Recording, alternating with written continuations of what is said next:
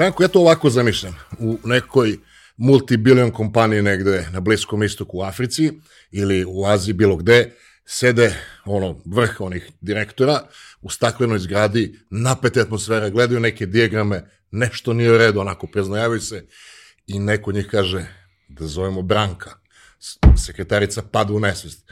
Oni vade crveni telefon sa brojčanikom, okreću broj, podiže slušalicu, CEO pada u nesvest, Branko, imamo problem.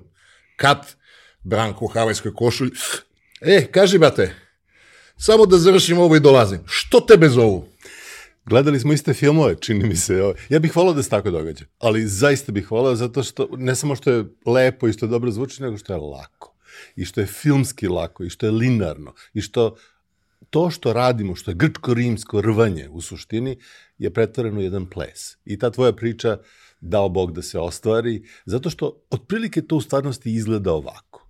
Oni prvo kažu, e, sta, spoljni konsultanti, strani neki plaćenici, neki koji znaju neka znanja. Čekaj, mi imamo multimilion dolarsku kompaniju, u njoj se kriju neverovatni talenti.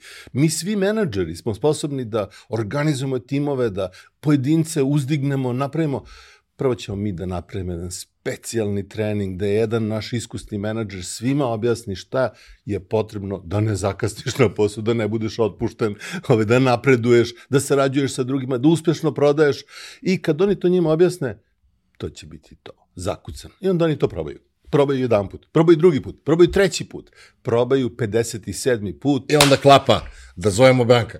onda dođu i kažu, uh, jel imamo neke koji mogu da nam preporuče nekog ko zaista to ume da ispriča, uradi, učini, kreira. Indoktrinira.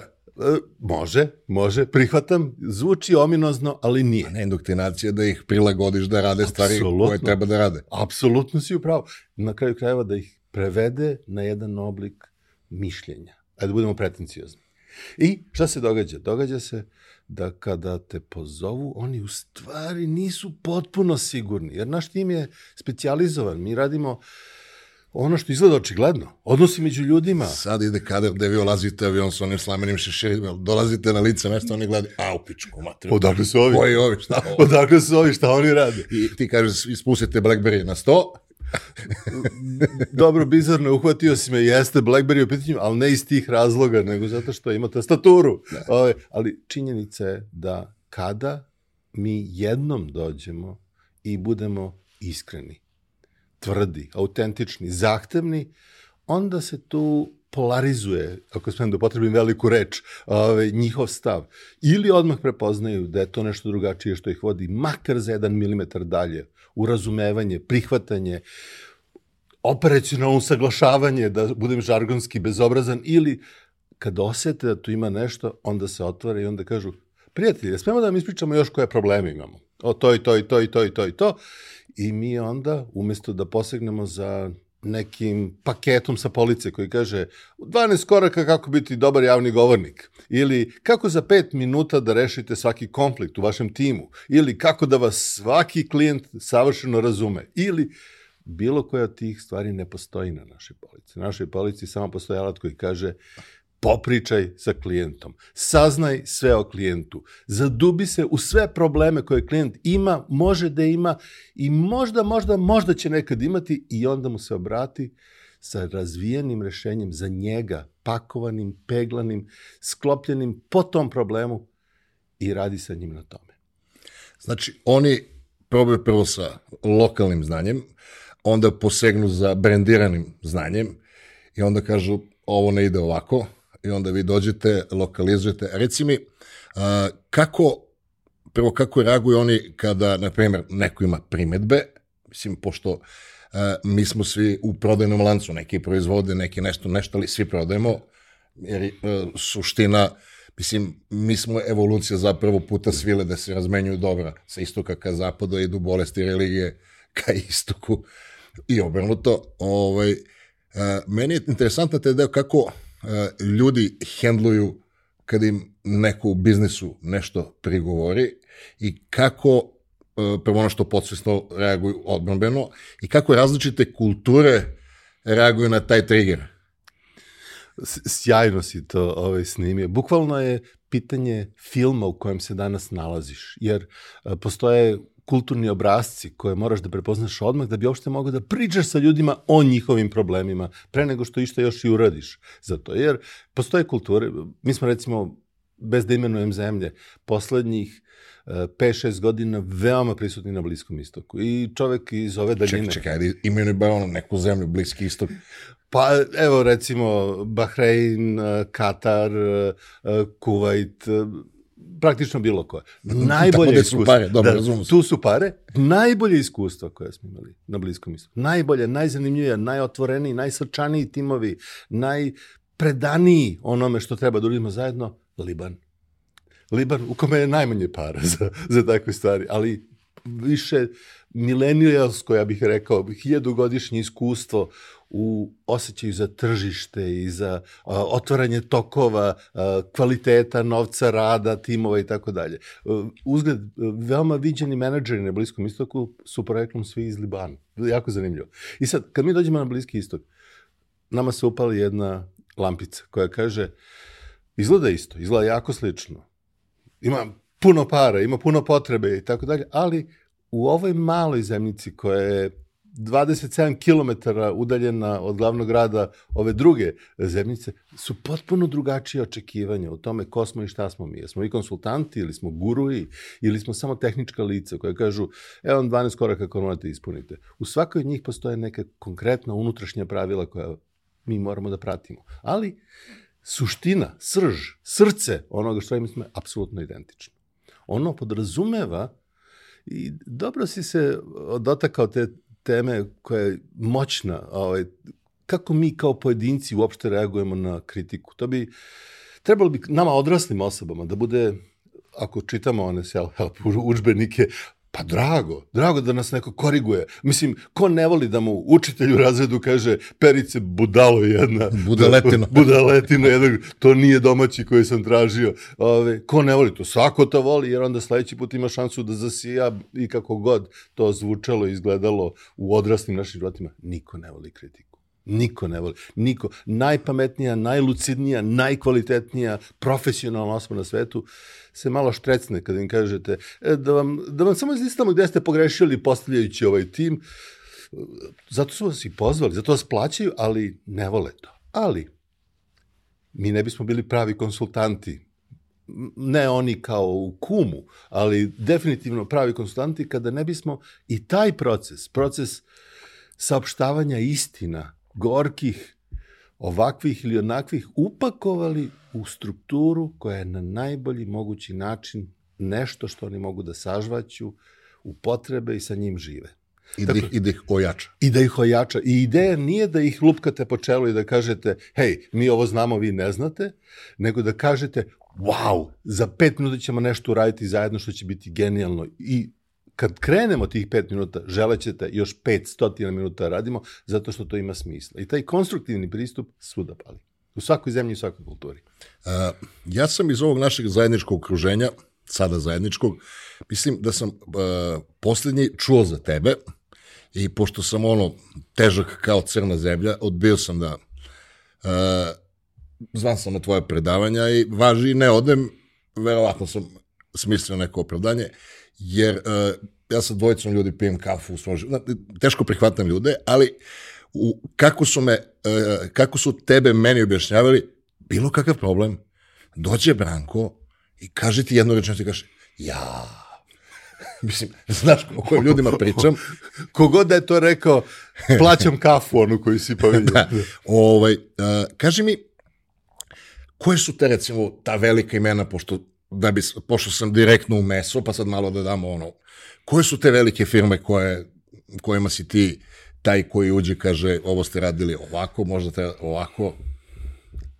Neke ne mogu da pomenem, zato što su u sklopu određenih NDA potpisanih ugovora koji Dobro. kažu nikad više do kraja života ne smiješ da pomeneš Dobro. šta si radio i ali kako. Ali ovi Microsofti... Ali ove očigledne mogu i smem i hoću sa velikim zadovoljstvom. Znači, bilo je divno raditi sa vrhuškom kompletne IT industrije u svetu. Znači, Microsoft i Cisco i Hewlett Packard i Epson i da ne nabrajam, mogao bih, ali to je samo u ovom trenutku name dropping ili hvalisanje. Ne, pa to i hoćemo. Da, ali, ali zaista je veliko zadovoljstvo kada dođete i možete u jednom gigantskom, ambicioznom, moćnom, sočnom sistemu da nešto doprinesete. I ništa manje nije izazov kada firmi koja se sastoji od pet članova iste porodice u Keniji ili u Bahreinu ili u dubini Sibira ili u sever, na severu Poljske, ove, možete sa 3, 4, 5 mi to, mi to ne zovemo predavanja, jer su to u suštini neke vrste ličnih seansi. Ne, ne postoji formatirani i formalni sadržaj toga, nego se radi o interakciji. I onda kada promenite njima život, osjećate se, verujte mi, osjećate se apsolutno ponosno kao da vas je danas nazvao Bill Gates i rekao e, hvala ti što si nam pomogao u tome i tome. Čekaj, i tome. čekaj, idemo na taj deo. Ovaj, ti imaš lič, lično, da kažem, poznanstvo, radio si intervju, recimo da sam dvadesetak puta u životu se sreo sa Billom Gatesom, malo manji broj puta sa Steveom Jobsom, Philip Kahn, Mitch Taylor. Uh, Objasni da, Philip Gas... Kahn i Mitch Taylor za širu publiku. Uh, to su veliki, veliki softverski uh, guruji, uh, Filip Kahn je divna osoba, on je pokrenuo Borland, on je čovek koji je autor Turbo Pascala i promenio je kompletno softversku industriju. Uh, on svira saksofon. Sa njim poslednji put uh, sam u Londonu išao u jazz klub koji on zakupio, doveo je svoje drugare, poznate jazz svirače iz ove, uh, sa britanske jazz scene i on je čitao veče zabavljao svojih desetak gostiju tako što je svirao jazz standarde. To je takva jedna figura. U prevodu kao kad direktor dovede ciganu u kafanu i zaključa kafanu kod nas. I kaže, ovo se računa kao radni sastanak. E, baš tako je bilo.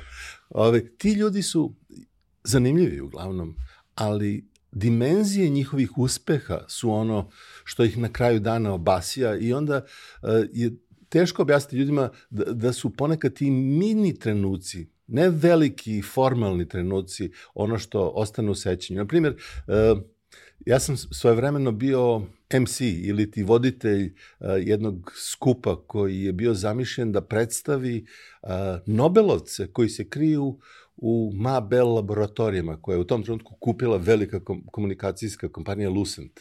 I oni su me angažovali da... Ne, u suštini da budem interfejs, da budem ljudska nota u tome što će oni dovesti neverovatne stručnjake. Znači imaju tri Nobelovce u svojim laboratorijama koje su otkrili tek kad su kupili tu kompaniju, tu laboratoriju. I onda su oni rekli šta možemo da uradimo sa njima?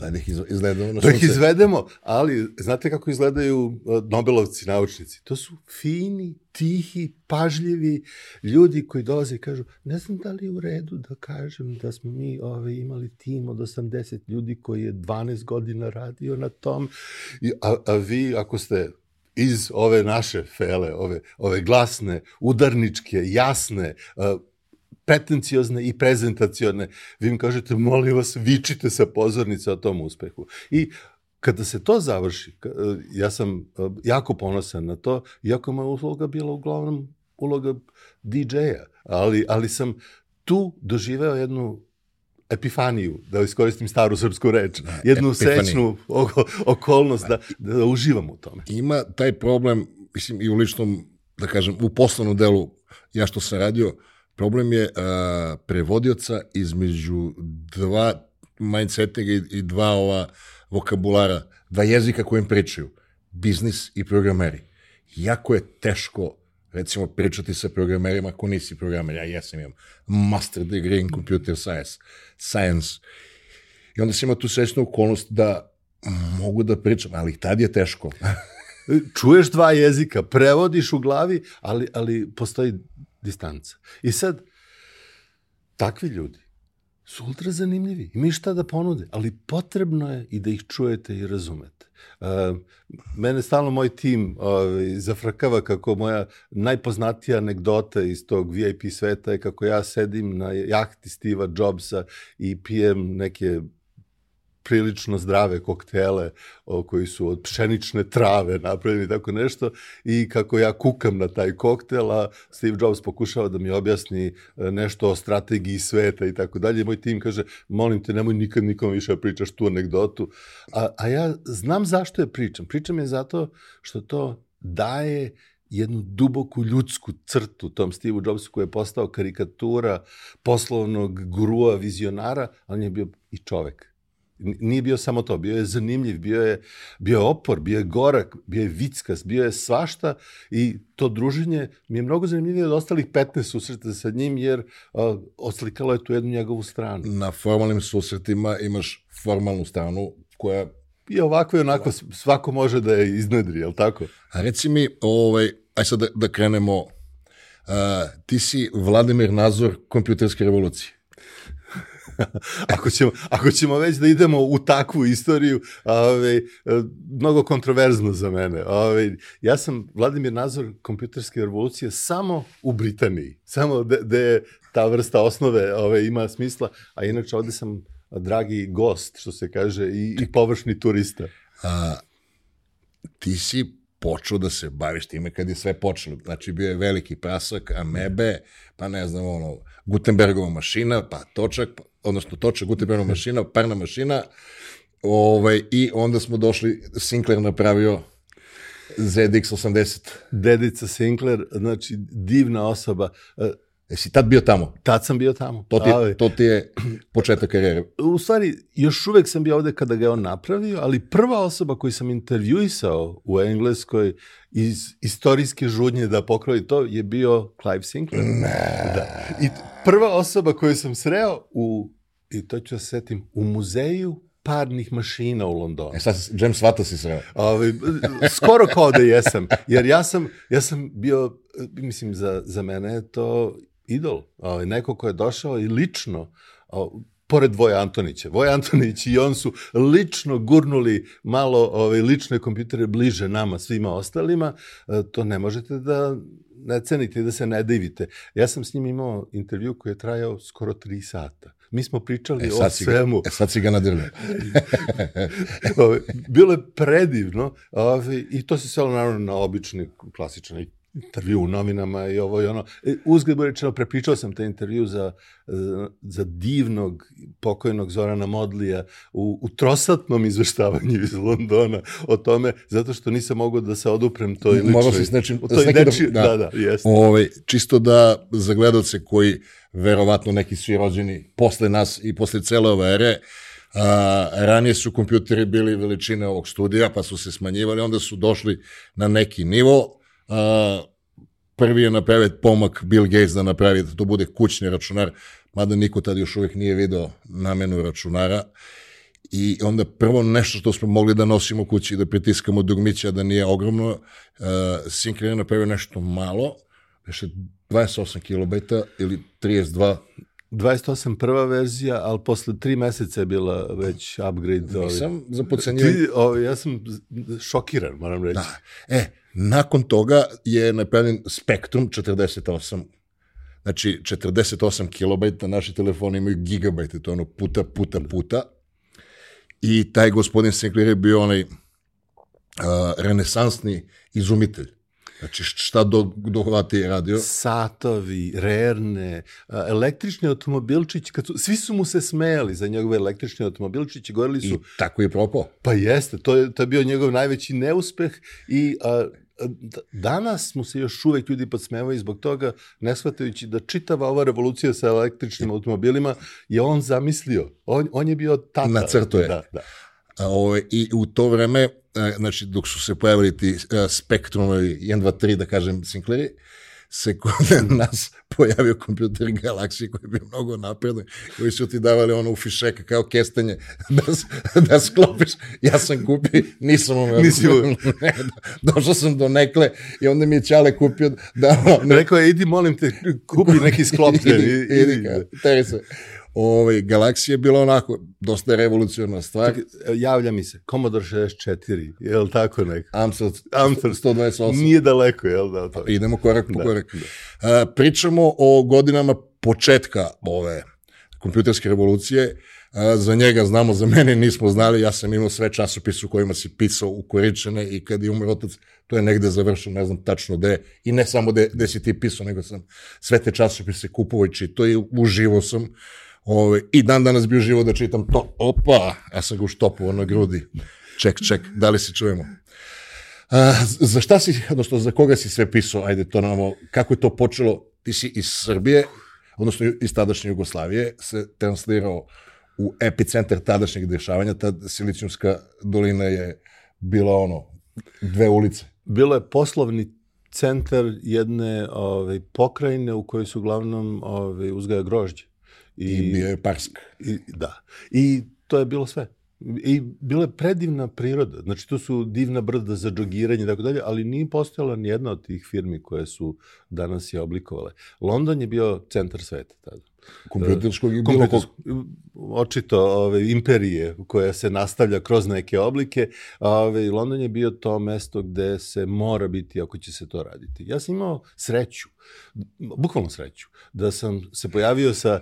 Uh, u Imaš trenut... i znanje i želju i... Sreća, velika sreća. Dobro. U trenutku kada je postala ogromna vrsta vakuma, potreba za kadrovima. Znači, veliki prasak, širilo, širilo se i ti si rekao... I ja sam rekao, ja sam tu. Došao sam sa kvalifikacijama male, poluuspešne, polukarijere iz Jugoslavije. Čekaj, čekaj, čekaj, dobro.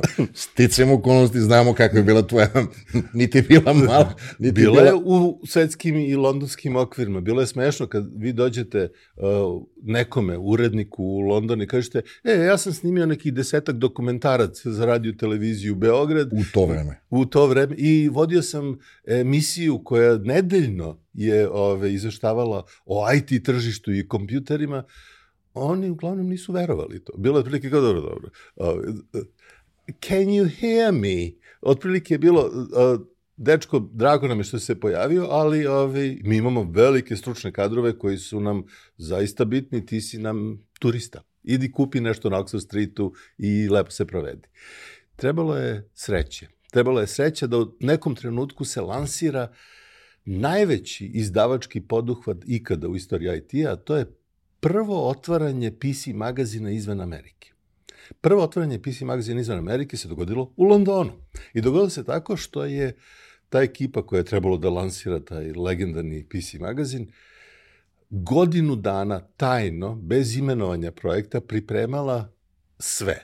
Redakciju, tim, projekt, sve, sve godinu dana unapred i kupovali su sve najbolje urednike na britanskom tržištu. Tako da što su bukvalno išli od najboljeg najboljeg i rekli koliko sad imaš platu, a on je ne interesuje nikakav prelazak, ni u šta drugo, ja sam srećan u svom časopisu koji sam lansirao koliko sad imaš platu i tipičan jedan kapitalistički refleks, u nekom trenutku su nasabrali sve te najbolje urednike i shvatili da im nedostaje još do desetak.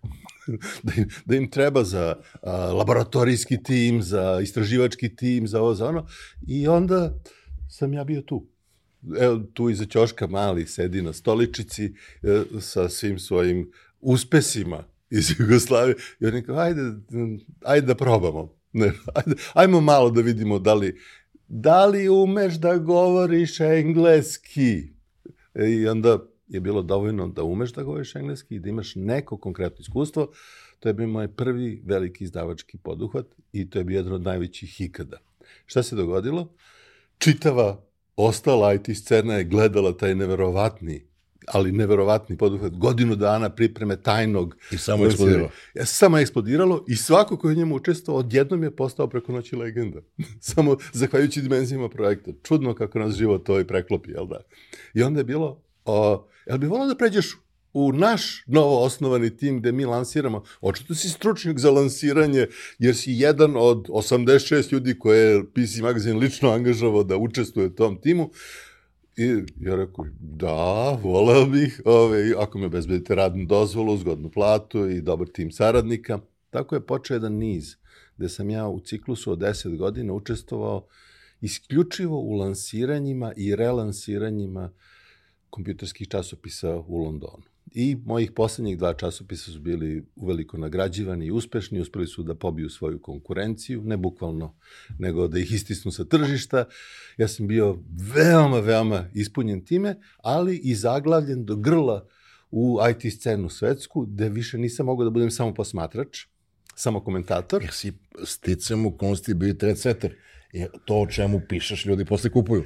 Ja se nadam da je bilo tako. Pa ne, ne, ne može drugačije da bude. Mi nismo imali internet tada, I onda informisali smo se kroz časopis, odnosno o, oštampa se u Londonu, pa se oštampa posle u, u Srbiji. Ja bih iskreno volao da neki istoričari poput tebe to potvrde, Sad ali meni se činilo, Sad sam ja istoričan. sad dobro. si istoričar te scene, MC upućen u nju, MC očito fan, ove, meni se tada činilo tako. Meni se činilo da ne srpsku ili evropsku scenu, nego da Amerikanci i tekako sluškuju šta se događa ove, na londonskoj sceni. Krčkalo se.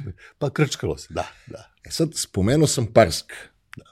Sećaš se? Na, O da, naravno. I jel možeš da daš tvoju verziju šta je Parsk, koliko je jaka laboratorija bila na s- Xeroxova i sama činjenica šta je ko pokrao iz nje. Pa- sama činjenica da praktično sve što u savremenom IT-u znamo Ali da je standard, sve. je ismišljeno tamo.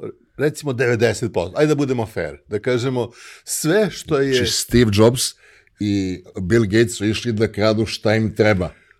E, I što je najbolje, išli su ponekad, da budemo fair, kod drugih lica koje su već nešto ukrala. Znači, od lopova su ukra- Ukrala, da. I od, u to vreme se to nije zvalo krađa. Zvalo se inspiracija zato što je to bilo kao jedan rock and roll. Svi smo delili to. To je bila jedan novi pokret. Parsk je bio ogromna, ozbiljna laboratorija sa više e, hiljada najjačih tipova u IT industriji i imali su izdrkan menadžment. E, oni su bili u ovome u Kaliforniji, menadžment je bio u Njujorku i šta god oni, paži hvala, i ne može. Ništa nije moglo da prođe kroz board direktor, onda su oni zvali ljude da dođu da ih posete jednostavno, da pokažu, ej, mi ovo radimo. I onda su došli Bill Gates i, i, Steve Jobs. A to je bizarno. Način na koji su došli, ne samo, i ne samo, oni su poznati pa ih pamtimo, ali svako je dolazio zato što je Ovi, e, laboratorija uvela jednu zanimljivu praksu. Rekli su, mi smo najbolje čuvana tajna IT-a. Mi smo najbolje čuvana tajna jer imamo uh, 27.000 puta više akreditovanih a, ove, otkrića, znači akreditovanih u smislu da su prijavljene kao patenti, nego sledeća velika takva laboratorija. 27.000 puta više. Kako to da niko ne... slu- Zašto mi nismo na naslovnoj strani Timesa? Zašto o nama se ne snimaju dokumentarni filmovi? I onda je neki uh, tim od dva marketinška stručnjaka, dva, toliko je bilo marketinških ljudi zaposlenih tu, je smislio imaćemo Open Tuesday ili Open Wednesday ili neki dan kada nam u goste dolaze drugi profesionalci širom industrije, novinari i svi Samo da ostali. e, kažem samo suštinu ovo što sam rekao za Parsk. E, oni su proizvodili fotokopir mašine i to je bio posao snova. Svi mora kupuju tonere, svi mora ovo i odbijali su da prihvate da će e, krenuti sa kompjuterima kao što automobilska industrija više voli da se troši gorivo nego struja i sve što vi naprave što vuče ka e, kompjuterizaciji su rekli access denied i uopšte nisu imali osjećaj da treba sami sebe da napadnu i da zajašu talas revolucije, nego su prigušivali i onda su došli tipovi poput st- st- ovoga, Steve Jobsa i Bill Gatesa i drugih koji su kad su vidjeli recimo tamo izmišljen Windows Pa, ne samo Windows, nego ove, jako, jako puno elemenata drugih programerskih formata, drugim rečima ne čitavi jezici, nego neke serije komandi uh, su izmišljene. Interfejsi. bukvalno, Da. O, uh, klasičan interfejs, GUI koji mi danas podrazumevamo, svaki kompjuter Nije bio takav. nije bio takav, bio je,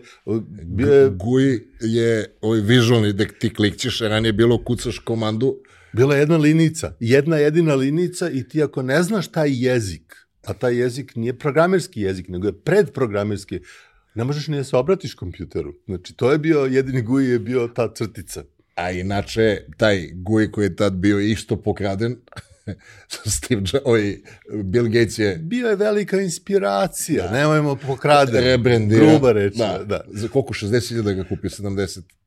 Prvo ga je kupio za toliko i rekao je da će biti... uh, I sto- 130 mu dao posle. Da. Do, do, do- dodao je da zaokruži, da časti i ljudi su bili oduševljeni tim dijelom. Kao, mi imamo hiljade tih, e, pa, oni su to zvali igračke. Mi imamo hiljade tih igračaka zato što je njihov razvojni tim nije imao ograničen budžet. Pa su mogli da kažu, Ej, da li je moguće praviti toner od e, palminog ulja?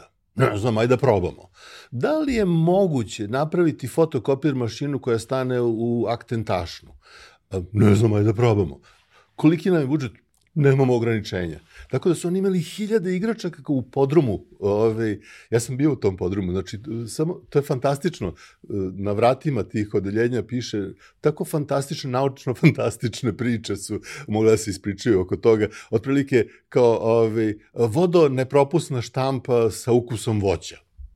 Molim, ja bih to volao da vidim. Za čemu služi? I ko je to, o tome eksperimentisao? Tako da, oni su imali hiljade igračaka i nije im bio problem da nekome ko dođe poput veoma upečatljivog i uveljivog Steve'a Jobsa, koji kaže, e, pokažite mi da li imate nešto ovako, koji kupuje, kao sa onom ovaj, korpom u samoposluzi, ide okoli kao, e, ovo je jako zanimljivo, pokažite mi kako to funkcioniše. I on je bio ovaj, divan da uvuče ljude u svoju viziju šta će se dogoditi. Tako da svi ti ljudi koji su s njim sarađivali tamo, nisu se osjećali iskorišćeno ili pokredeno. Naprotiv, Nego deo priče. Deo priče, počastovani, uzbuđeni, strastveno investirani u to da mu pomognu. Jer kad on dođe i kaže, imam jedan problem, da li ste videli nekad nešto ovako, oni sa njim pričaju kao sa svojim partnerom.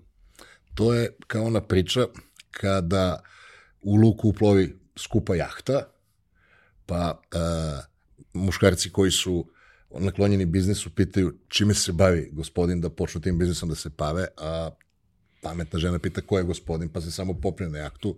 E, Steve Jobs se kamuflira u taj mentalitet, i uzme šta mu treba, bez da, bez da, bez da razvija to. koji god da mu je bio ovaj, profil ovaj, pristupa, bio je genijalan u tome da, ali bukvalno je imao njuh da otkrije gde ima kvalitet koji on može da inkorporira u svoj tim. Uh, stali smo kad si ti ovaj, uh, bio, boostovao si ove uh, časopise, startupove, startup časopise i onda si rekao enough is enough, sad sam influencer. Šta je bio sledeći korak u... Volao bih da je bilo tako smisleno.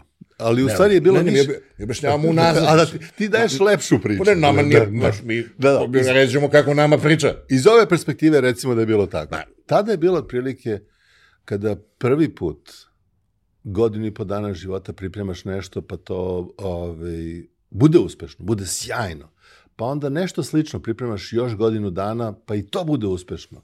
Pa treći put to uradiš i onda četvrti put kad ti kažu, e, jel bi volao da vodiš jedan jako zanimljiv istraživački projekat da vidimo da li možemo jedan inovativni časopis koji se pre nikad ni pojavio, ti ne kažeš, jej, nego kažeš, eh, whatever, ili važi. Another day in the office. I dobro, možda je to vezano sa neku vrstu balkanske ove, površnosti, možda je to vezano za neku vrstu brzog zamaranja, ali posle petog, šestog, sedmog takvog projekta kažeš, molim vas, To se zove Coolidgeov efekt. Znaš šta je Coolidge? znam, ove, Coolidgeov efekt je predsjednik Amerike došao sa ženom na farmu kokošaka i ovo kao gospođa ovo je njegova, kao komentariše sa vlasnikom farme, kako ima mnogo kokošaka, svega nekoliko pevaca. On kaže, pa naši pevci mogu više puta dnevno to sa kokoškama, a ona kaže predsjedniku, "E, čuješ šta kaže, da ovi pevci više puta, kaže, da, ali ne sa istom kokoškom.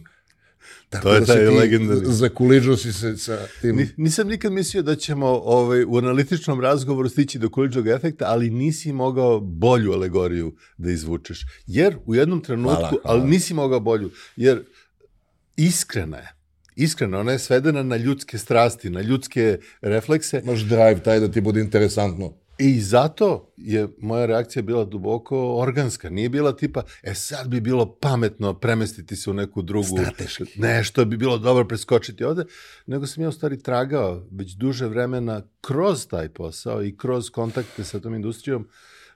Meni je bila draga ta industrija u Engleskoj Americi koju smo Odlučio da uglavnom... voziš sa leve strane. Nikad nisam vozio tamo. Nikad nisam vozio, tako mene su vozili. To ja volim tu Ja rečenicu. kad god odem negde kao oduzem renta, kažem ne, ne, Ne, ne, ne. Ili motor ili Suicidalno, gore. Da, ne. samo pitam. Su, suicidalno. Imaš li veliko osiguranje? Onda možeš da ja. izjaviš se. Ovi, ja sam u suštini tragao već duže vremena kroz Nešto novo da za te... nečim i dogodilo se jako zgodno. Dok ja tragam za nekom promenom, i jedna od najvećih uh, marketiških konsultantskih firmi u Engleskoj je tragala za novim pristupom trebali, trebali su kreativnog direktora. Po prvi put ikada želeli su da imaju kreativnog direktora, neko ko stvara nove vrednosti i nove odnose sa klijentima, umesto samo da prodaje stare uobičajene obrazce ponašanja. I to je bila firma gde je dve trećine klijenata bilo iz IT sfere. Tako da su se susretali sa mnom na razno raznim forumima, okruglim stolima, snimanjima dokumentaraca i tako dalje i samo su naletali na tog čudnog jugoslovenskog otkud on ovde? Ovaj, tipa, I onda tačka po tačka nacrtan si sklopi, bio... Bukvalno se... E, taj na treba. U istom trenutku je bilo kao, ali bi ti razmotrio? Ja rekao, gde ste me našli? Ovaj, ali može sutra? I onda je ovaj, u jednom trenutku samo se prelomila ta vrsta, da kažem, karijere, tako što sam postao sad konsultant iz jednog potpuno drugačijeg ugla kada si novinar, kada si urednik, kada lansiraš časopise i otvaraš kanale komuniciranja, to je jedan pravac oblikovanja ove stvarnosti i ja bih voleo da mislim da je zasnovan na istini. Kada s druge strane konsultuješ i oblikuješ i daješ savete firmama koje plaćaju milione dolara da bi strateški se pozicionirale na nekom tržištu, onda moraš da oblikuješ i to tržište. Ne samo poruku, ne samo ono što o njima govoriš, nego moraš da im daješ alat kojim će se one u stvari obhoditi prema ostatku sveta.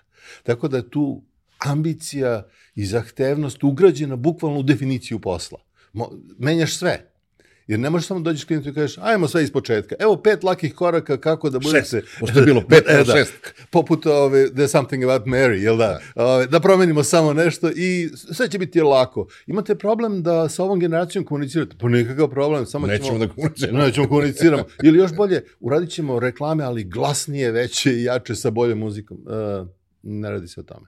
Tako da, to je bilo osveženje. Bio je veliki izazov, I naravno došao sam u kontakt sa još jednom generacijom i sferom velikih IT ovaj, kompanije i ne samo IT, iz bankarskog sektora, iz zdravstvenog sektora i tako dalje. Kaži neku onako um, za koje sam možda čuo ja. Um, recimo da sam i dalje bio najponosniji na ovaj, IT kompanije i sve ove ostale sam više trpeo, jer sam ja u duši naš. i osnovi bio to, naš čovjek. baš to imam svoju oblast. Dobro, drago mi je što ste vi velika banka, Barclays banka i koja ima... Nego... A, nego Lucent. Lucent hoće da radim sa njima. Yes, apsolutno. Ajde, recimo par stvari koje si uh, iskreativizirao, pošto si ti kreativni. Uradio sam jednu pokvarenu stvar suprotstavio sam dva različita kreativna tima unutar te kompanije, tako da imaju različite motive i različite ideje. I to je tada smatrano uh, jeres. Jeres i, a je to i nešto, a to je danas a, a, standard i praksa. da, da. Otprilike je tada bilo to viđeno kao nešto to tvoje srpsko. I, u slovensko, da. da, da je. Tad je već počelo da biva srpsko. Iako smo mi zazvali demonstracije marta meseca. S, sve je bilo ovaj, uh, pod konac dok ti nisi došao i to nešto mutiš vodu. A šta su im bili taskovi motivi? Mislim, ono, ako može se kaže u rečenicu da je. Za jedan tip sam uh, hiperakcentuirao kreativnost i inovativnost rešenja i pristup. Znači, dao si im od, odrešene ruke. Dao sam im odrešene ruke i rekao sam, o, o, ovi, ovi drugi su jako konzervativni, oni su uspešni i u njima su najveće face u našoj kompaniji, ali vi, mladi, možete da ih pojedete za doručak. I ja, ja sam ubeđen da ti u tom poslu, kada ljude motivišeš na taj tvoj način, nekim od njih u tom trenutku izrastu, ne rogovi, ali mišići, jer, jer si ih povukao, uvukao ima, si ih strastveno. Ima e, studije koja je rađena sa uzorkovanjem dece i samo jednu grupu dece kaže, ej, vi ste najbolji, vi ste mnogo bolji. Deca se više trude, bolje od bolje se ponašaju, više učestvuju u nastavi i ta deca random 30% budu bolja od, od proseka. I, samo što ih unazad. indoktriniraš da su faca. Samo ih, evo, ovako si ih, samo si ih malo vetar u leđa, čak nije ni da si ih ono držao i hipnotizirao u kampu četiri nedelje i pretvarao u fanatike. Ne, ne, apsolutno je taj jedan mali push dovoljan. Poverenju si im rekao. Da, rekao si im, ja verujem u vas. Ne postoji jača droga, kreativna, nego ja verujem u vas. Rasturite rasturite. I šta se događalo? Događalo se da te frke, te kreativne sukobe razrešimo tako što imamo rešenja koja su nikad pre isprobana i koje klijenti obožavaju. i koje ja sa velikim zadovoljstvom predstavljam kao nešto drugo, ne znam kako se ovo dogodilo i namigujem na jednom, koji god da je od timova ovaj, pobedio, kaže, naravno da ste vi morali ovo da iznesete. U zavisnosti od profila klijenta i profil rešenja će biti adekvatan i prihvatljiv. Danas, ponosan sam da kažem da nije da sam patentirao, nije to Brankovo rešenje, to je rešenje postojalo od maslova pa do danas ovaj, u hiljadama raznih formata u toj industriji, ali ja sam agresivno nametao to. U to vreme možda bilo karikaturno viđeno kao nešto iz Srbije i Jugoslavije, neka čudna tu improvizovana šema. Danas ja mislim da nema ni jedna viđenija konsultantska firma u Engleskoj, ne znam za Ameriku, ona je jako čudna, ovaj, koja ne, u nekom formatu svog rada ne koristi tu vrstu uh, kontrolisanog ove, rivaliteta. rivaliteta. Ove, kontrolisanog, tu je naglasak na toj reči.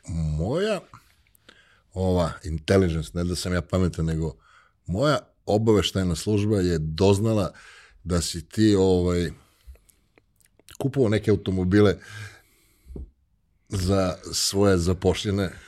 A, da prostiš, to mi nikad moj tadašnji ovaj, direktor i vlasnik te kompanije nikada mi nije oprastio što mu nisam objasnio e, šta je iza toga. Bilo je osam godina Da, kasnije. Jer on je bio ali divan čovjek, kreativan, pametan, širok i tako dalje. I ove, ja sam ga prijatno iznenadio tako što sam insistirao ove, na, na tom jednom efektu. Efekt je bio ove, veoma jeftin. On, on se svodio na Ja sam pokušao da mu objasnim jednom, pa nisam uspeo, a to je na galebove.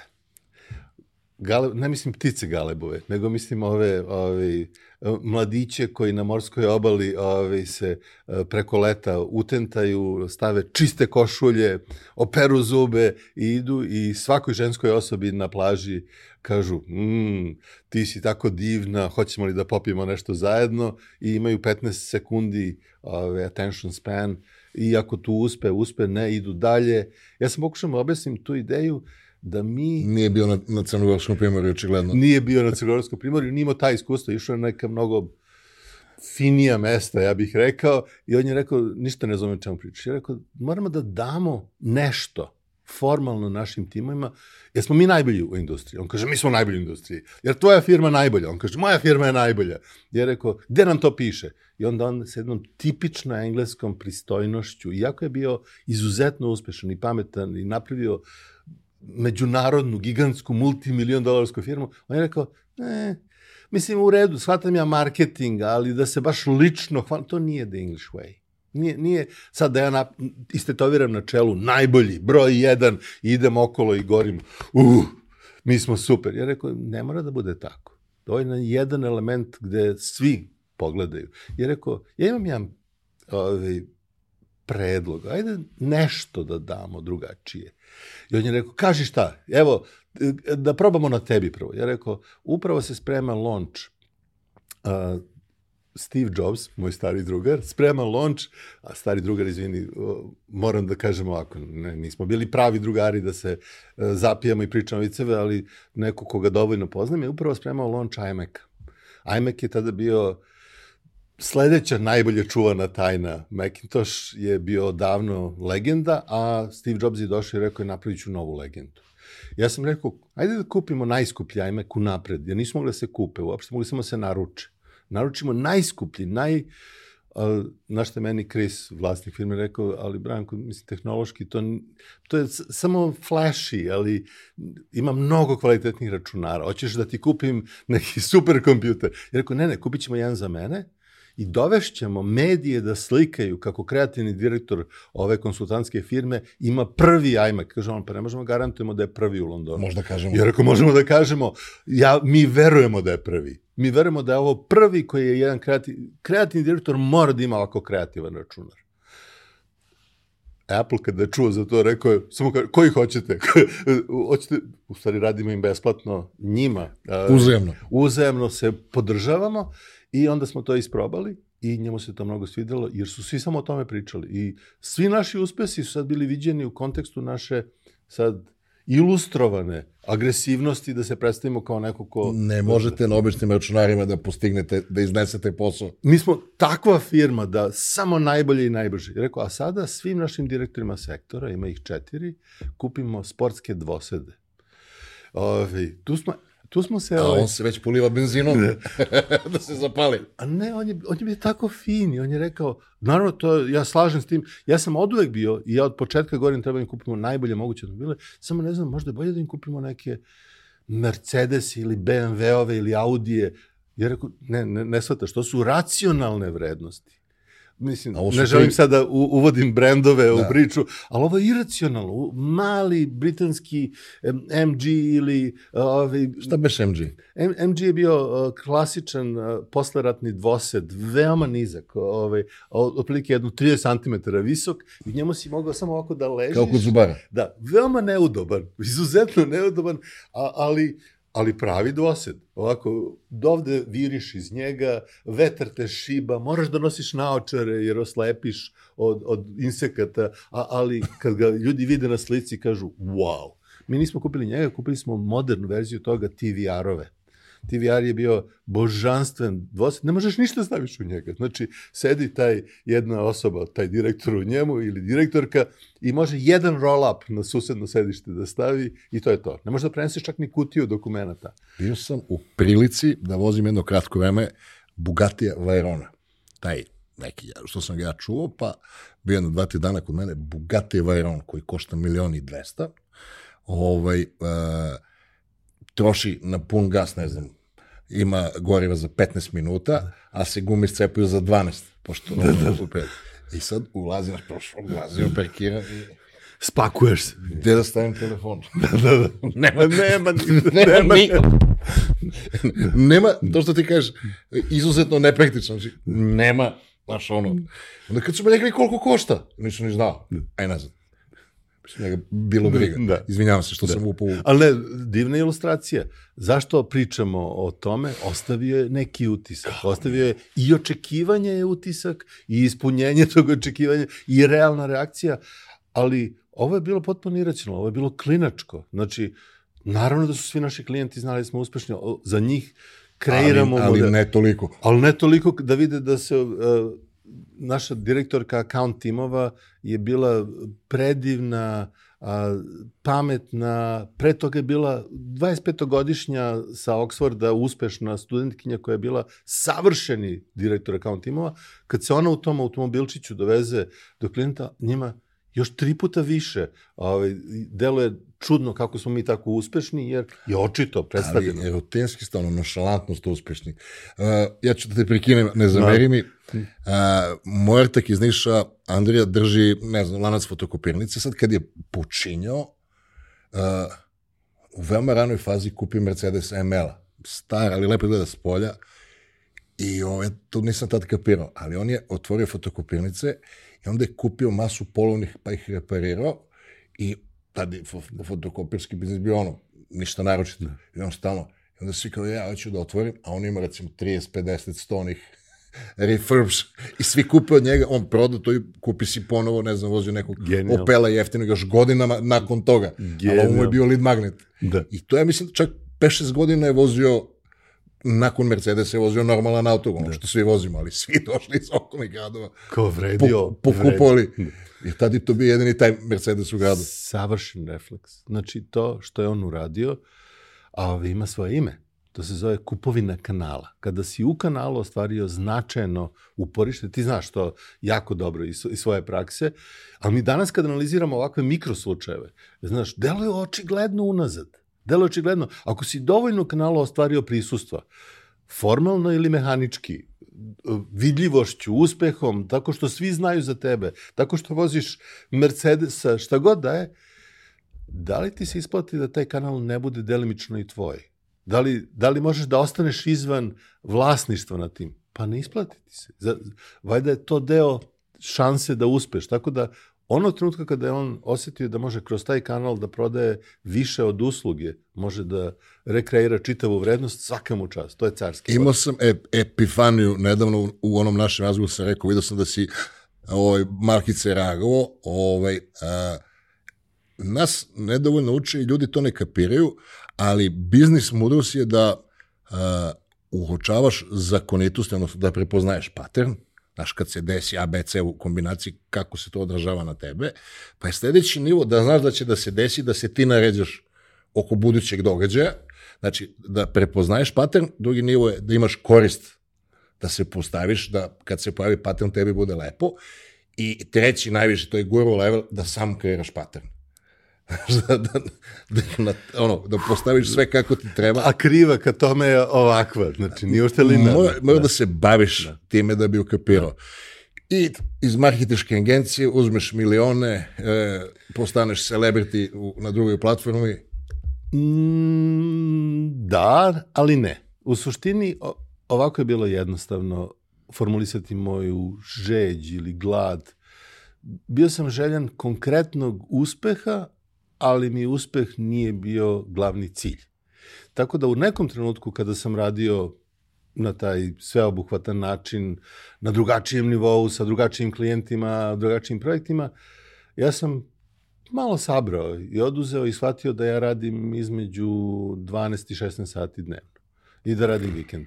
I da to nije zdravo, ni pametno i da nemam nameru to da radim. I e, ovo, ovo moram da podelim sa tobom, ti ćeš to razumeti savršeno ćeš razumeti. Otišao sam tako ambiciozan, sav ovaj, balkanski napumpan, što se kaže, ne fizički zaista, nego psihički. I rekao sam svom direktoru i vlasniku kompanije, imam genijalnu ideju za tebe. Znači, savršenu ideju, mnogo će ti se svideti, ove sve, stalno kukaš da puno plaćaš moju suviše veliku platu, imam ideju kako da je smanjiš.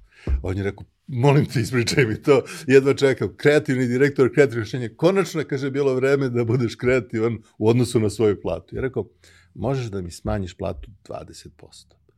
On je rekao, u, to je dobro, ali, ali počinje ovog meseca. Ja rekao, ne, ne, slušaj, čitav predlog.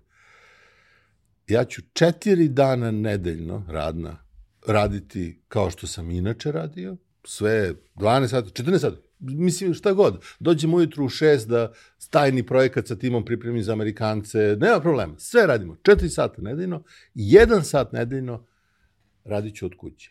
Ne da neću raditi, radit jedan ću, dan. Od, jedan, da, pardon, jedan dan od kuće. Sve isto, saradnja, mislim, tad internet i društvene mreže i telefoni nisu možda bili kao e, danas, ali su i tekako funkcionisali. Nisam odsutan osim što sam fizički odsutan. Znači, ne dođem na posao, ali saradnja sa timovima, projekti i, tako dalje. I ti meni platiš samo ova četiri dana. Samo mi platiš 80% od moje plate. I on sedi ovako i njegov um radi 300 na sat i kaže, ne mogu, to mi je opasan presedan. Ako, ako možeš da ne budeš ovde, da ne budeš zaronjen, da ne budeš potpuno predan 100% svih dan, onda šalješ signal i ovim drugim direktorima da mogu da balansiraju i da su... Što nije netačno. Što je apsolutno istina i pametanje. Jer ako znam, ali jedini način da ja dugoročno ostanem... Da ne izgovorim. Je to. Da budem sve manje. Kažem, pa dobro, evo, ajmo mislim, ovo, ovo koristim ovako detalje da ti objasnim koliko su ti trenuci neki koji iz daljine izgledaju očigledno i linearno, razvoj, karijera, izbori, u stvari ponekad haotični. Ja sam rekao, ovaj, razmisli, kroz mesec, dva, tri, pet, ja ću se okrenem i 100% svog vremena ću da odnesem. A ovde samo za početak gubiš 20% mog prisustva, ali radi tu. Kaže on, recimo da pristanem. Recimo, evo, da smislimo neku formu, da to nazovemo semi-sabbatical, da nazovemo nekom specijalnom igrom ili tako nešto, šta se događa za šest meseci? Rekao, u, odmah mogu ti kažem, za šest meseci ja ti dođem i kažem, imam predlog za tebe, još jedan dan, dobijaš, on kaže, e, toga sam se i plašio životi koje on zamislio za sebe i za mene i za taj čitav tim i one koji sam ja zamislio za sebe nisu bili isti. Bili su po uspešnosti isti, po uzbuđenju, po dinamikama, po konkretnim akcijama, ali po, da prostiš outcome po onome što se dogodi na kraju tog lanca nisu bili isti. I ovaj, ja sam morao da ja sam morao da pobegnem nazad u svoj život. I to tako što... Morao sam da pobegnem nazad u svoj život. Lepo.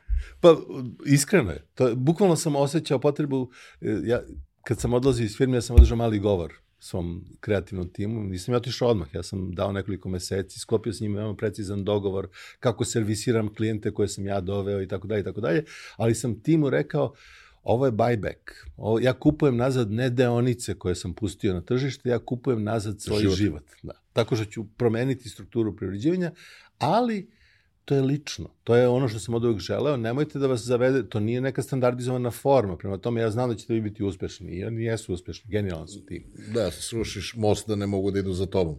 Recimo, da, da budemo iskreni. Da ne bude tipa, svako treba da želi ovo. Ne. Svako treba da želi ono što želi. Ja sam želeo to, to je bilo lično. Tako da, ovaj, to je bio trenutak koji me odredio. Tad smo osnovali Tomato Tomato Communications. Ovaj, ovaj, Idemo reklame sada. Mislim, kad već, samo pominjem. Ovaj, ne, ne, ne. Da, da. Tomato Tomato Communications je osnovan kao uh, neka vrsta alegorije koja ilustruje to uh, povlačenje na kvalitetniji, a ne kvantitetniji, ovaj, što se kaže. Ovaj. Zašto tomato, zašto tomato? Pa, kao pesma ona. Pesma braća Gershwin. Da. Braća Gershwin su bili genijalni. Ovaj, oni su napisali tako božanstvene pesme i mi ih pa, pamtimo po pevljivosti tih pesama, ali kad se oslušnu reči tih pesama, one su genijalne. U tom trenutku kada smo mi osnimali taj svoj mali tim koji treba u suštini da nastavi centralne delove usluge za te velike američke IT klijente u Londonu, uh, većina takvih firmi, tih konsultantskih, malih, specializovanih, strateških ovaj, konsultancija, u stvari zvala nešto tipa sad neću Ko da banka. Ih, da, neću da ih apostrofiram. Da. Bilo je otprilike veoma pretencijozno i glupo. GTMX, WorldCom. Imperial, i, ovo, ono... Kom, kom, kom, kom, kom, razne vrste komova, a sa raznim skraćenicama, brojevima čak. Bilo je... Neupadljivo. Neupadljivo, kao namerno da su se trudili da budu uh, dosadni. Ja sam svoju prvu preduzetničku radnju nazvao 9. decembar da ne bude, znaš, ono, kad listaju ono, da, da, da. da budem jedine neupadljiv.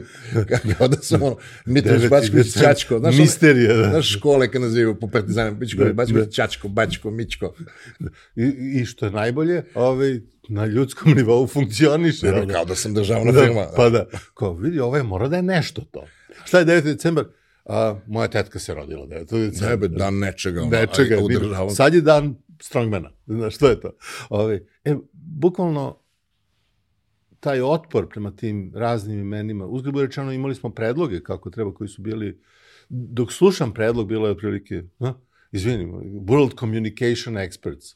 Da li bi zaista iko ikad nešto god takvih kupio? Uh, idealna je prilika da probam da podelim nešto s tobom, pa ako znaš, podelit ću samo sa uh, gledocima. E, znaš zašto su zebre crno-bele? Znam, ovaj, priča je super. Da, zebre se ne kamufliraju u odnosu na ambijent, nego u odnosu jedna na drugu, jer ako jednu zebru ovaj, farbamo paradajzom, sutradan je pojedu lavovi. Gotovo je, odmah. Da, jer da. mogu da je targetiraju. Da. da bi se izdigo, jer mi se držimo grupe, bezbedni smo, samo jaki pojedinci mogu da se izdignu, ali oni mora da brane svoj stav, da budu spremni da ih jure razni lavovi hijene, ali on stoji pravo i vertikalan i crvene boje. Tomato. Hvala ti puno. Ne bih mogao bolje to ilustrovati. Kada smo birali ime, bilo je lično i sada iz tvojeg objašnjenja vidim da je i dalje lično, jer si pročitao 100% suštinu. Kad pogledaš listing firme koje pružaju usluge, koji su bovi Tomato? I imam za tebe a, a, dve brze pričice. Sviđa ti se bar jedna od njih, siguran sam. A, ovaj, prvi angažman prvi angažman gde sam zvanično koristio ime Tomato Tomato bio je, bio sam pozvan e, na upoznavanje sa novo postavljenim direktorom, velikim, velikim gazdom Cisco-a, a, gospodinu Chambersom. I on je pozvao ograničenu šačicu konsultanata iz Britanije, jednog čoveka iz Nemačke, osam ljudi iz Njujorka i jednog iz Silikonske doline na nezvaničnu večeru. Imao sam, sveća imao sam propušten poziv. Cisco 165 milijardi vredna firma. Ove, zanimljiv čovjek, doveden, bukvalno, doveden je kao John Scully u Apple. Znači, doveden je da, da promeni sve i uradio je to. Uradio je neverovatan posao I on je bio jedan iskreni, dobar govornik, iskren čovek koji je prvo večer kad s nama upoznavao, rekao je, ovaj, formalni deo danas ćemo da obavimo, a onda idemo na večeru da se zaista upoznamo i da pokrenemo. Let's, let's keep this thing rolling. To je bila njegova fraza i onda se okrenuo i rekao je, hey, this guy, this guy, his name, the company of the name, oh, that name is brilliant. It's, it's tomato tomato, right? I ja sam rekao, respekt. Rekao, otko znate? Pa ne, toliko je očigledno. Tomato, tomato, oh, that's cool. I idemo u da. ušima, mu, da. u glavi mu se čuje pesma. I tog trenutka, ja mislim da svih ostalih 20 konsultanata u prostoriji su me pogledali sa dubokom mržnjom. A, a bukvalno je bilo ovako, kao, ovaj, zašto ovog klinca? Ja, ja sam konsultant već 40 godina u e, neću sad da imenujem firme, jer su neki od njih još uvek nam konkurenti nije fair, ali bilo je otprilike to nije fair, to je marketinški trik. I onda je on tokom ta dva dana druženja sve vreme, naravno da je Bronco Djakovic ili kako već komplikovano zvati, ali sve vreme govorio the tomato guy, the tomato guy, come on, come on here, tomato guy.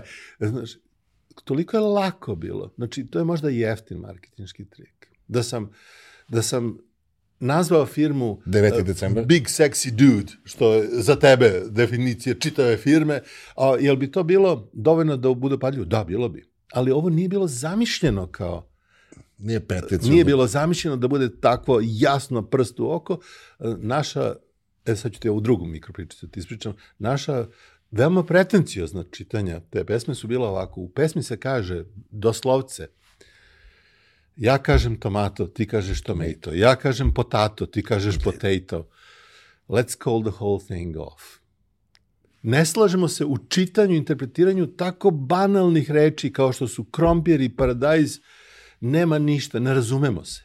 I koja bolja alegorija za kompaniju koja namerava da uspostavi razumevanje između velikih IT kompanija iz Amerike, uzgled bude rečeno to, tomato, ovaj, na engleskom tržištu i da bude interpreter, da bude prevodilac, da bude neko ko uspostavlja komunikaciju, da ne bude let's call the whole thing off. I nego, još communications. Communications, baš tako.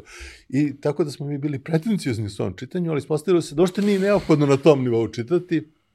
Organski je, i jeste, i bukvalno je organski ovaj koncept i divno nas je služilo ime, čak i nakon što smo čitav tim vratili i prebacili nazad u Beograd mukotrpno tokom dve godine seljenja akaunta i usluga i tako dalje. Dan danas ponosni smo na to ime, iako ima mnogo manje smisla sad u Srbiji.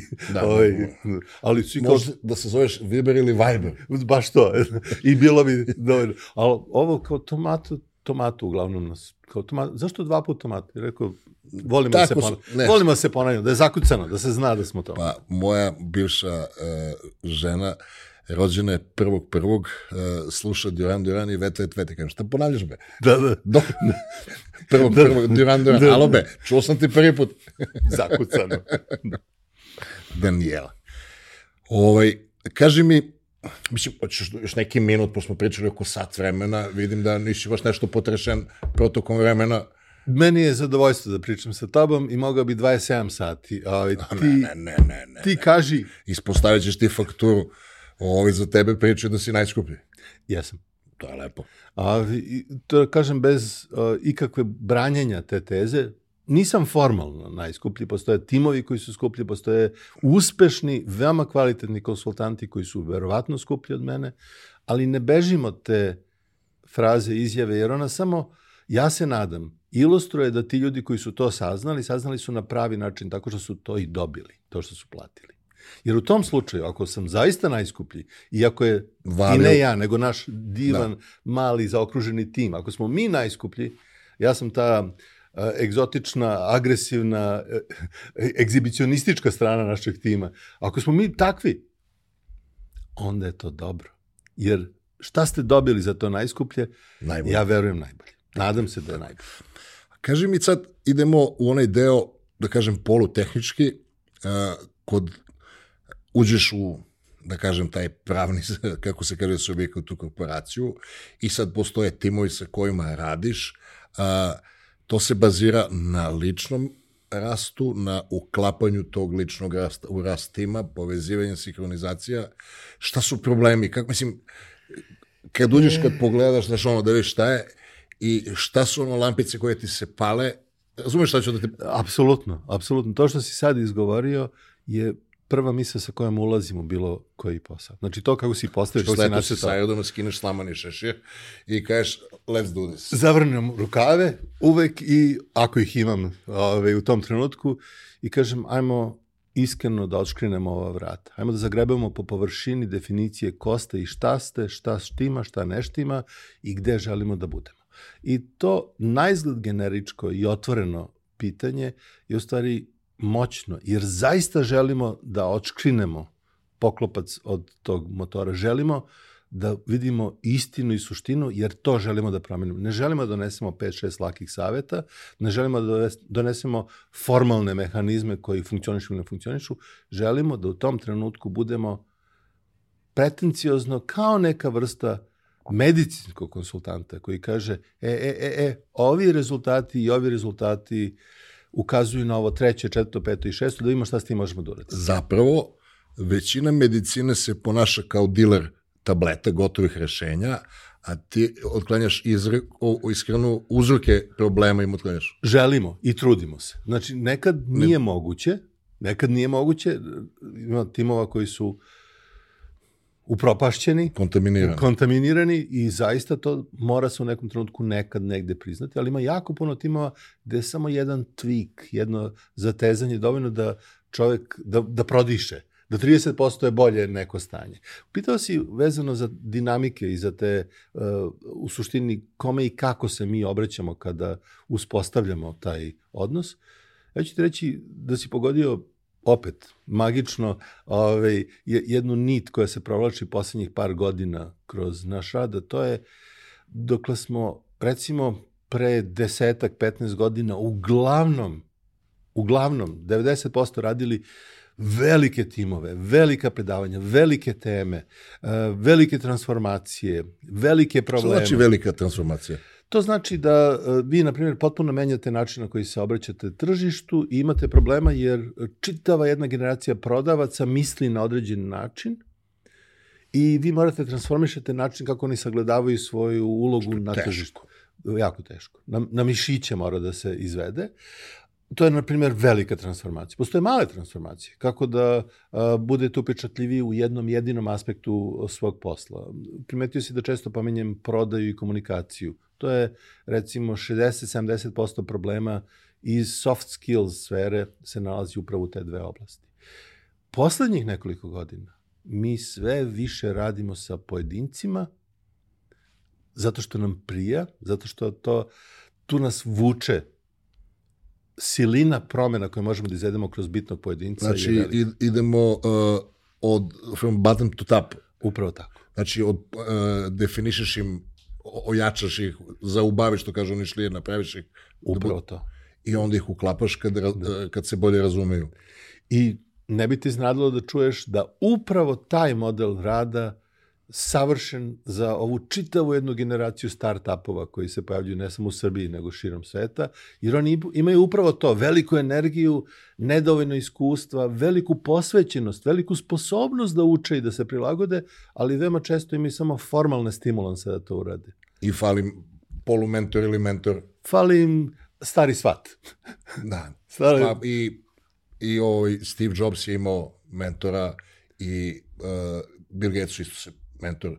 Drugo, tvoj prijatelj, moj miljeni pisac Peter Thiel je mentorisao šta hoćeš i koga hoćeš. 8000, ja mislim da on ne može da zapamti koga je sve mentorisao. On, je, on, je gen, on ima takav njuh, takav njuh da, da predositi u nekom klincu koji je pred njim kroz šest godina gde će on biti, on je levo, naravno ima on i svojih promašaja, on je, on je jednom Statistika. on je jednom rekao ja sam ponosan na to što je negde između 50 i 60 miliona mojih investicija, be- 56 miliona dolara, bespovratno nestalo i to nakon šest meseci od investicije. Ja sam ponosan na to jer je to bio garant mog pristupa da za ostalih 5 milijardi dolara ukupnih investicija u preko 8000 različitih startapa ovaj, u suštini dođemo do nekog uspeha. Taj uspeh je bio Nismo baš podesili mikrofone kako treba. Ne, ne, dobri su mikrofoni, nego sam ja mnogo mlatarav. Ove, Peter Thiel je divan primer, zato što je on dokaz te strasti, koja kaže idi, radi, gradi, eh, riljaj, uinvestiraj. Ti pojedinci koji definišu ili pojedine timove ili organizacije, oni su nam sad primarni cilj. Znači, praviš Messi i Ronalda i oni b, dovedu ekipu do pobede. Ja bih volao da vidim da, da se ja bih volao da vidim kraj te utakmice gde ćemo moći da kažemo, sećate se kad smo mi rekli uvedi onog klinca sa klupe zato što je on ovo, zato što on radi ovo, zato što smo mu pomogli da bude Pa, rekao sam ti malo pre, ponekad ta usaglašavanja su jednostavna, ponekad se stoji, znaš, ovaj, kad ljudi kažu komunikacija, znaš, komunikacija je problem, imaš trenutno, i ti i ja u našim bibliotekama imamo bar po nekoliko stotina knjiga Ma, dve knjiga, ajde. da, koje se tiču komunikacije. I kad pogledaš, sve su iste, sve otvoriš očigledno je i to što ti govore oči, jasno i pametno. I opet, idi u bilo koji tim, u bilo kojoj kompaniji na svetu. Najveće kompanije, najveće svetske kompanije i vidit ćeš da jedna od ključnih kategorija problema je komunikacija. Među timovima, Ono prema šefovima. miskomunikacija. Miskomunikacija, nedostatak efikasne komunikacije, prenos odgovornosti, prihvatanje odgovornosti, rešavanje problema, rešavanje sukoba, sve to deluju kao formulaični i laki izazovi, jer za njih postoji, siguran sam, 500 raznih paketa koji kažu samo ovo. U 12 samo, koraka. Da, da. I šta se dogodi? I dalje, dan danas to predstavljaju ljudima velike izazove. Znači svim ljudima. Bez obzira da li su multimilijarderi iz San Josea ili su božanstven mali tim od četiri programera koje je iz Microsoft Research Centra osnovao svoju kompaniju.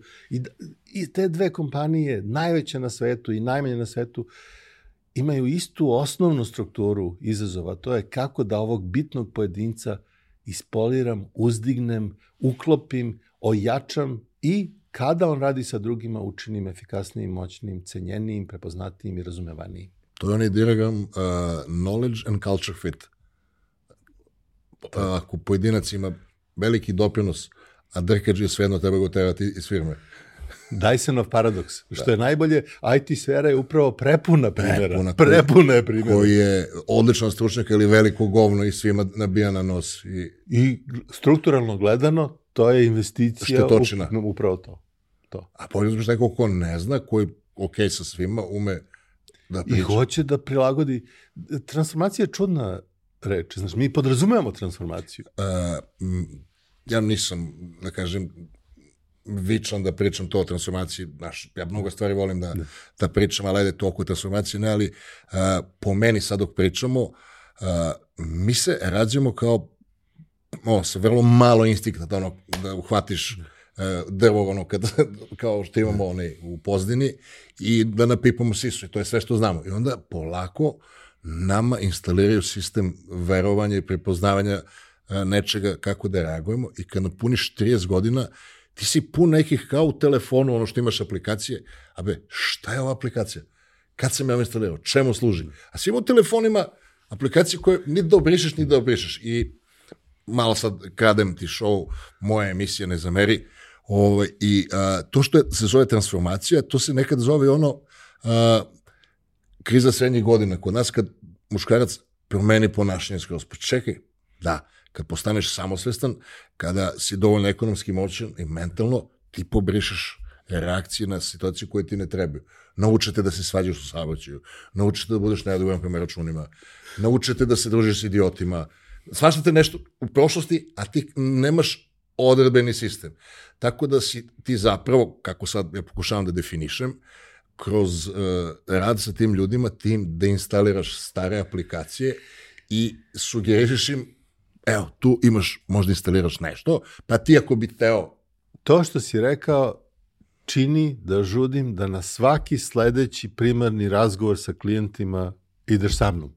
Zato što si pogodio ne u čelo, nego u sredinu čela, onu tačku, jedna reč pretencijna koju ja koristim, koja samo je nalepljena kao nalepnica na ovu čitavu tvoju priču, je autopilot.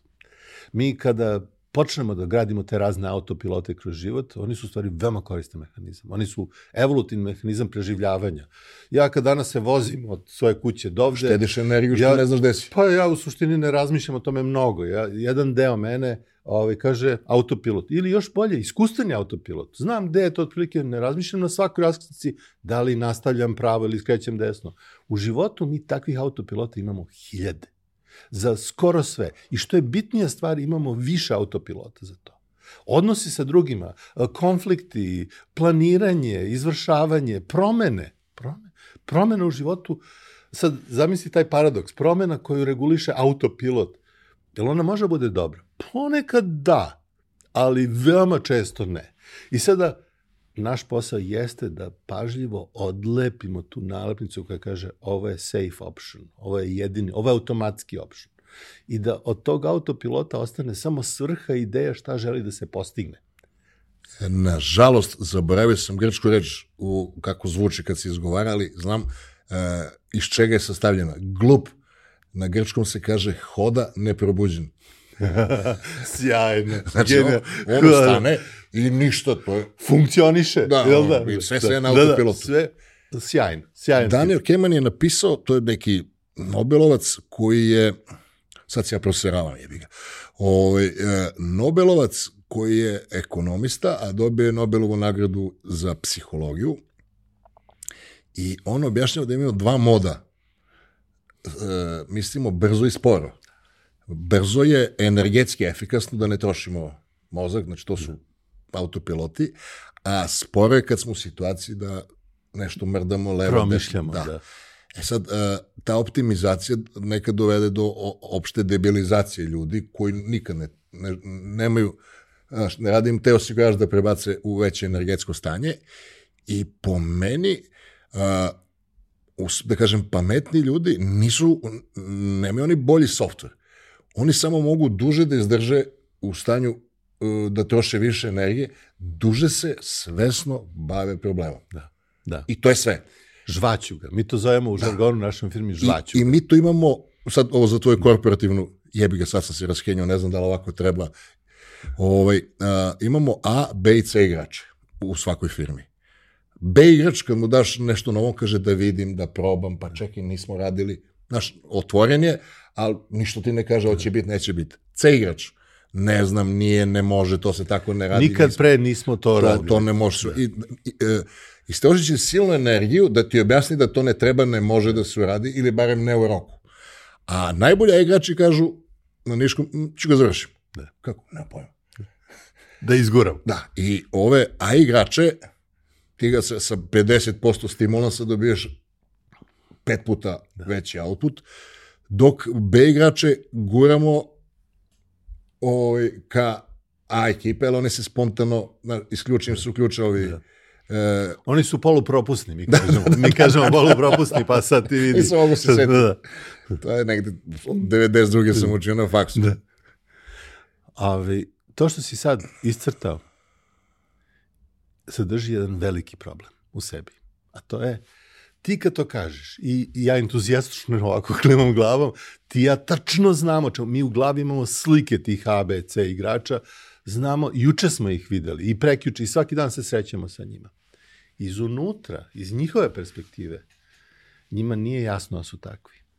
Tako da deo tog posla se sastoji i u interpretiranju stvarnosti za njih, uvođenje u našu priču, viđenje na način na koji mi vidimo. Anestezijolog da ih Upravo uspavaš da možda radiš na njemu. Jer inače, ono što dobiješ je jedna grupna, ne individualna, nego grupna reakcija koja je uvek gora nego što je zbir pojedinačnih reakcija.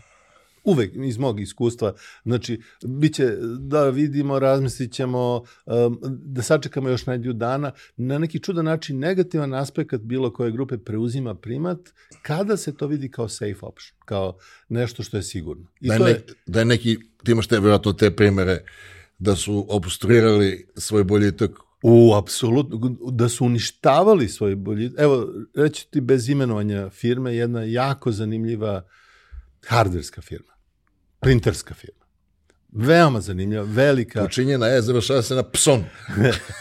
Ne, ali, ne, ali im je veliki konkurent, recimo. Ove, jako zanimljiva firma ove, koja upravo u reakciji na Epson ove, pokušala da improvizuje, da improvizuje prodajni lanac oko nepromenjenog Oko rešenja. koje, samo mi kaži o, o kojoj godini pričamo, ja ću ti kažem koja je firma. Koje, o, pričamo od pre šest godina.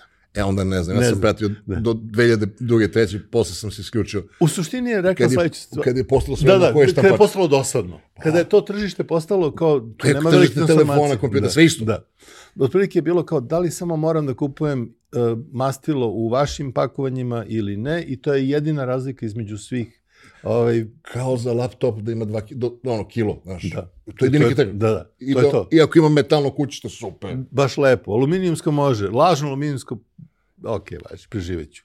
A, ovaj, ta firma je rekla se, jednu zanimljivu stvar, rekla je, mi ćemo da uložimo veliki trud u transformisanje našeg prodajnog, marketinškog, predstavljajućeg obrazca ponašanja, ali u suštini pre-sales isti, ove, cenovne kategorije iste, obraćanje klijentima isto, znači suštinsko obraćanje klijentima, znamo da morate ovo kupiti. A čitava jedna generacija ljudi je naučila da ne mora da kupuje printere, jer su sad integrisani u razne druge ove, funkcije, procese i tako dalje i da kada ih kupuju, kupuju ih za konkretnu potrebu. Više nema kancelarijski printer, nego hmm, e, ekologija, znači, hm, eko, kak, na koji način se ekologija sad upliće tu? Nekad nije bilo bitno uopšte, sada je primarni motiv u kupovini printera Da je da li ćeš, ne, da je ekološki. I za tebe imam informaciju koju ti verovatno znaš, ali je ljubko kad se to kaže, već 21 godinu za redom u Nemačkoj reciklirani papir se više prodaje od običnog papira i svake godine sve veći procenat tržišta, iako je reciklirani papir skuplji od novog papira. Drugim rečima, nije bitno da li ti veruješ u Porasla to. je svest. Porasla je svest, to je sad bitan činilac. I ne možeš samo da kažeš, hej, mi ćemo zasaditi još 10 šuma u Norveškoj, što je pokušala ova kompanija. Nego je gurala istim kanalima i vratili su im se odgovori klijenata, ovo je whitewashing. Drugim rečima, ovo je foliranje.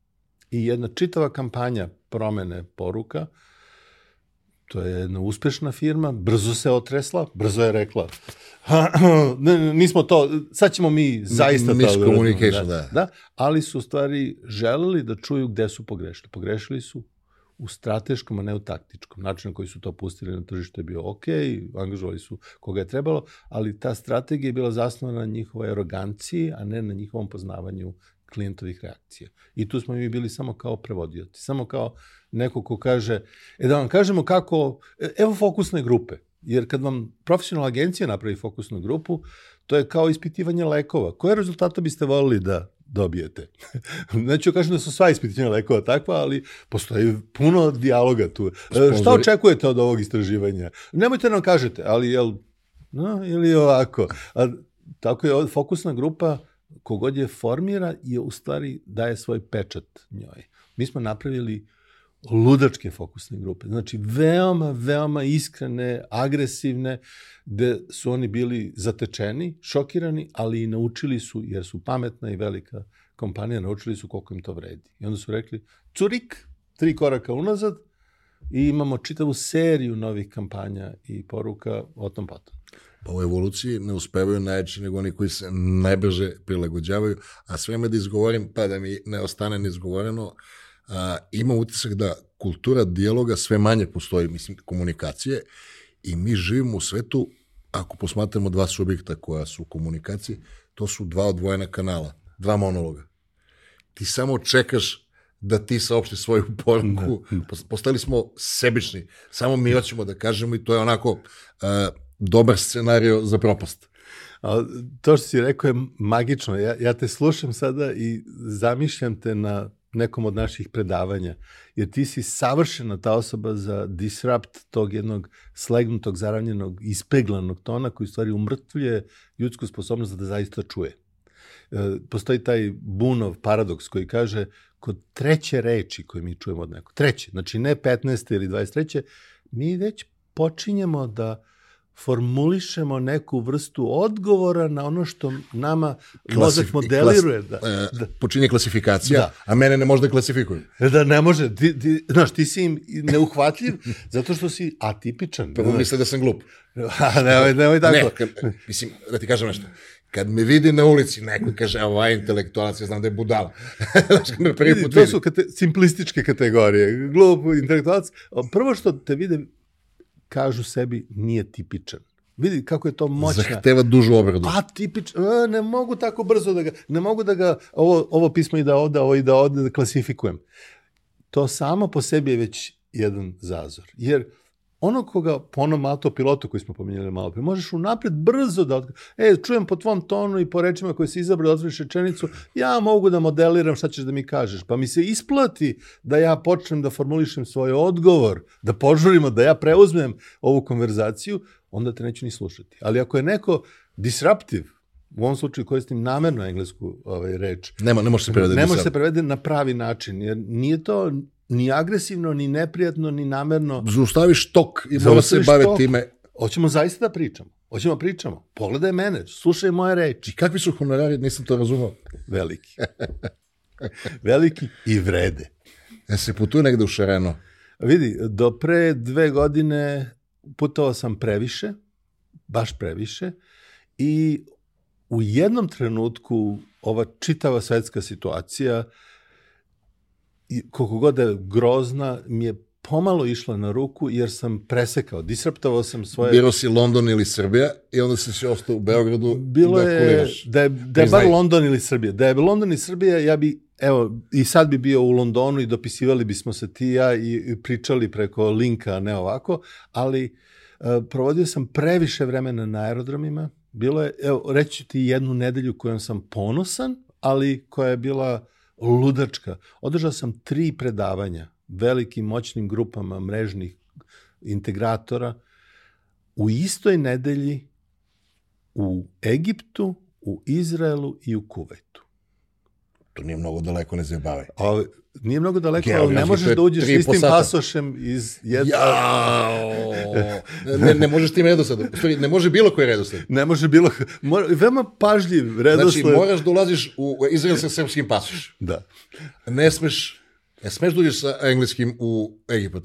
Smeš da uđeš Nisu sa Egipat? Nisu oni ljuti za ovoga... Nisu, ovi, oni se vole. Mnogo se vole i ovi, možeš da uđeš tako, ali moraš prvo u Izrael, pa tek onda u Kuvajt. A onda menjamo pasoš. Pa onda menjaš pasoš i tako dalje. Ovi, Ako ti nađu pasoš ovaj pogrešan, Pusti pasoš, to je najmanji problem. Znači, to su profesionalna putovanja, sklopiš, smisliš, uđeš, izađeš, sajno Nego činjenica da imaš mindset koji je namenjen jednom profilu publike koja je ovakva ovde i 500 km dalje je ovakva i onda je još 450 km dalje potpuno bočna ovaj, i da sa svakom od njih autentično u tih 8 do 10 sati druženja želiš da otvoriš promene koje će njima doneti neku vrednost, to je da prostiš kao trening kod strongmana. Vredi, ali boli. Tvrdo je i ima smisla. Guraš i... Ko Gej Pornić zvuči, ja da promenim ovo. Da možeš izbriš ovu reži. ja ništa nisam rekao. Branko, sat i 28 minuta. Mnogo ti hvala što si se odazvao pozivu. O, jako mi je inspirativno i uh, ja sam spremio naravno pitanja o, i nisam, pravo ti kažem, ne znam da sam prvo ubo to što sam se ja spremio, ali mislim da smo imali, ne znam kako tebi odgovarao razgovor. Meni je bilo gigantsko zadovoljstvo. Zadovoljstvo. Znači, pusti kako mi odgovara, odgovara mi tako da sam oduševljen. Bilo mi je zadovoljstvo i, i drago mi je što sam došao. Drugari, Strongmanov podcast Izuzetni ljudi. Gledamo se.